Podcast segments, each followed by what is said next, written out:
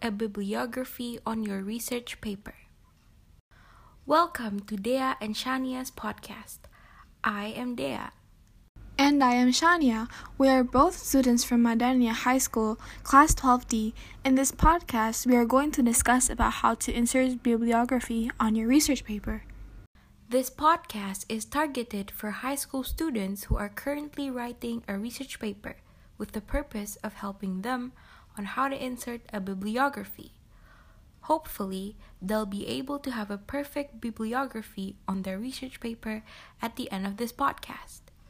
First of all, Shania, would you mind telling us about what bibliography is? Sure, bibliography is a list of sources that you've need used in a research paper, project, or presentation. For your information, we as 12th graders in Madania are going through the process of writing a research paper, or as we call it, a final paper.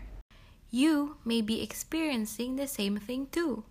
Remember, after finishing a brilliant research paper, don't forget to give credit to where it is due with a bibliography.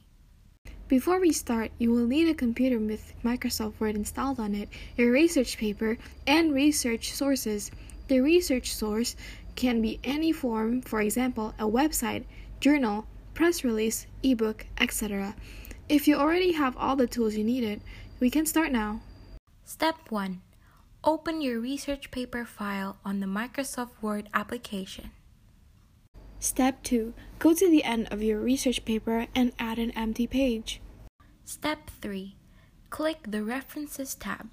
You can find this tab on the middle top of your computer screen between the tab Page Layout and Mailings. Step 4. After clicking the References tab, you will find a section called Citations and Bibliography on the middle top of your computer screen between the sections foot, Footnotes and Captions. Step 5. On the Citations and Bibliography section, you may also find the option Style. This is where you choose your bibliography style. There are different styles of bibliography, such as APA, Chicago, Harvard, MLA, and others. Step 6. After choosing the style, you may need to click the option to insert citation, which is on the left side of the option Style. After that, click on Add New Source. Step 7. A dialog box will appear. Enter the requested information for the source, like author, name, title, and publication details.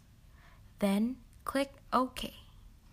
Step 8. Time for the easy part. Once you've added your sources, just click on the bibliography option, then choose bibliography. Again, by clicking on it, the bibliography will appear at the end of your document. Wasn't that easy?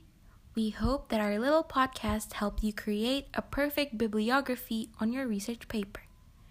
Thank you for listening to Dea and Shania's podcast, and we'll see you in our next podcast. Bye.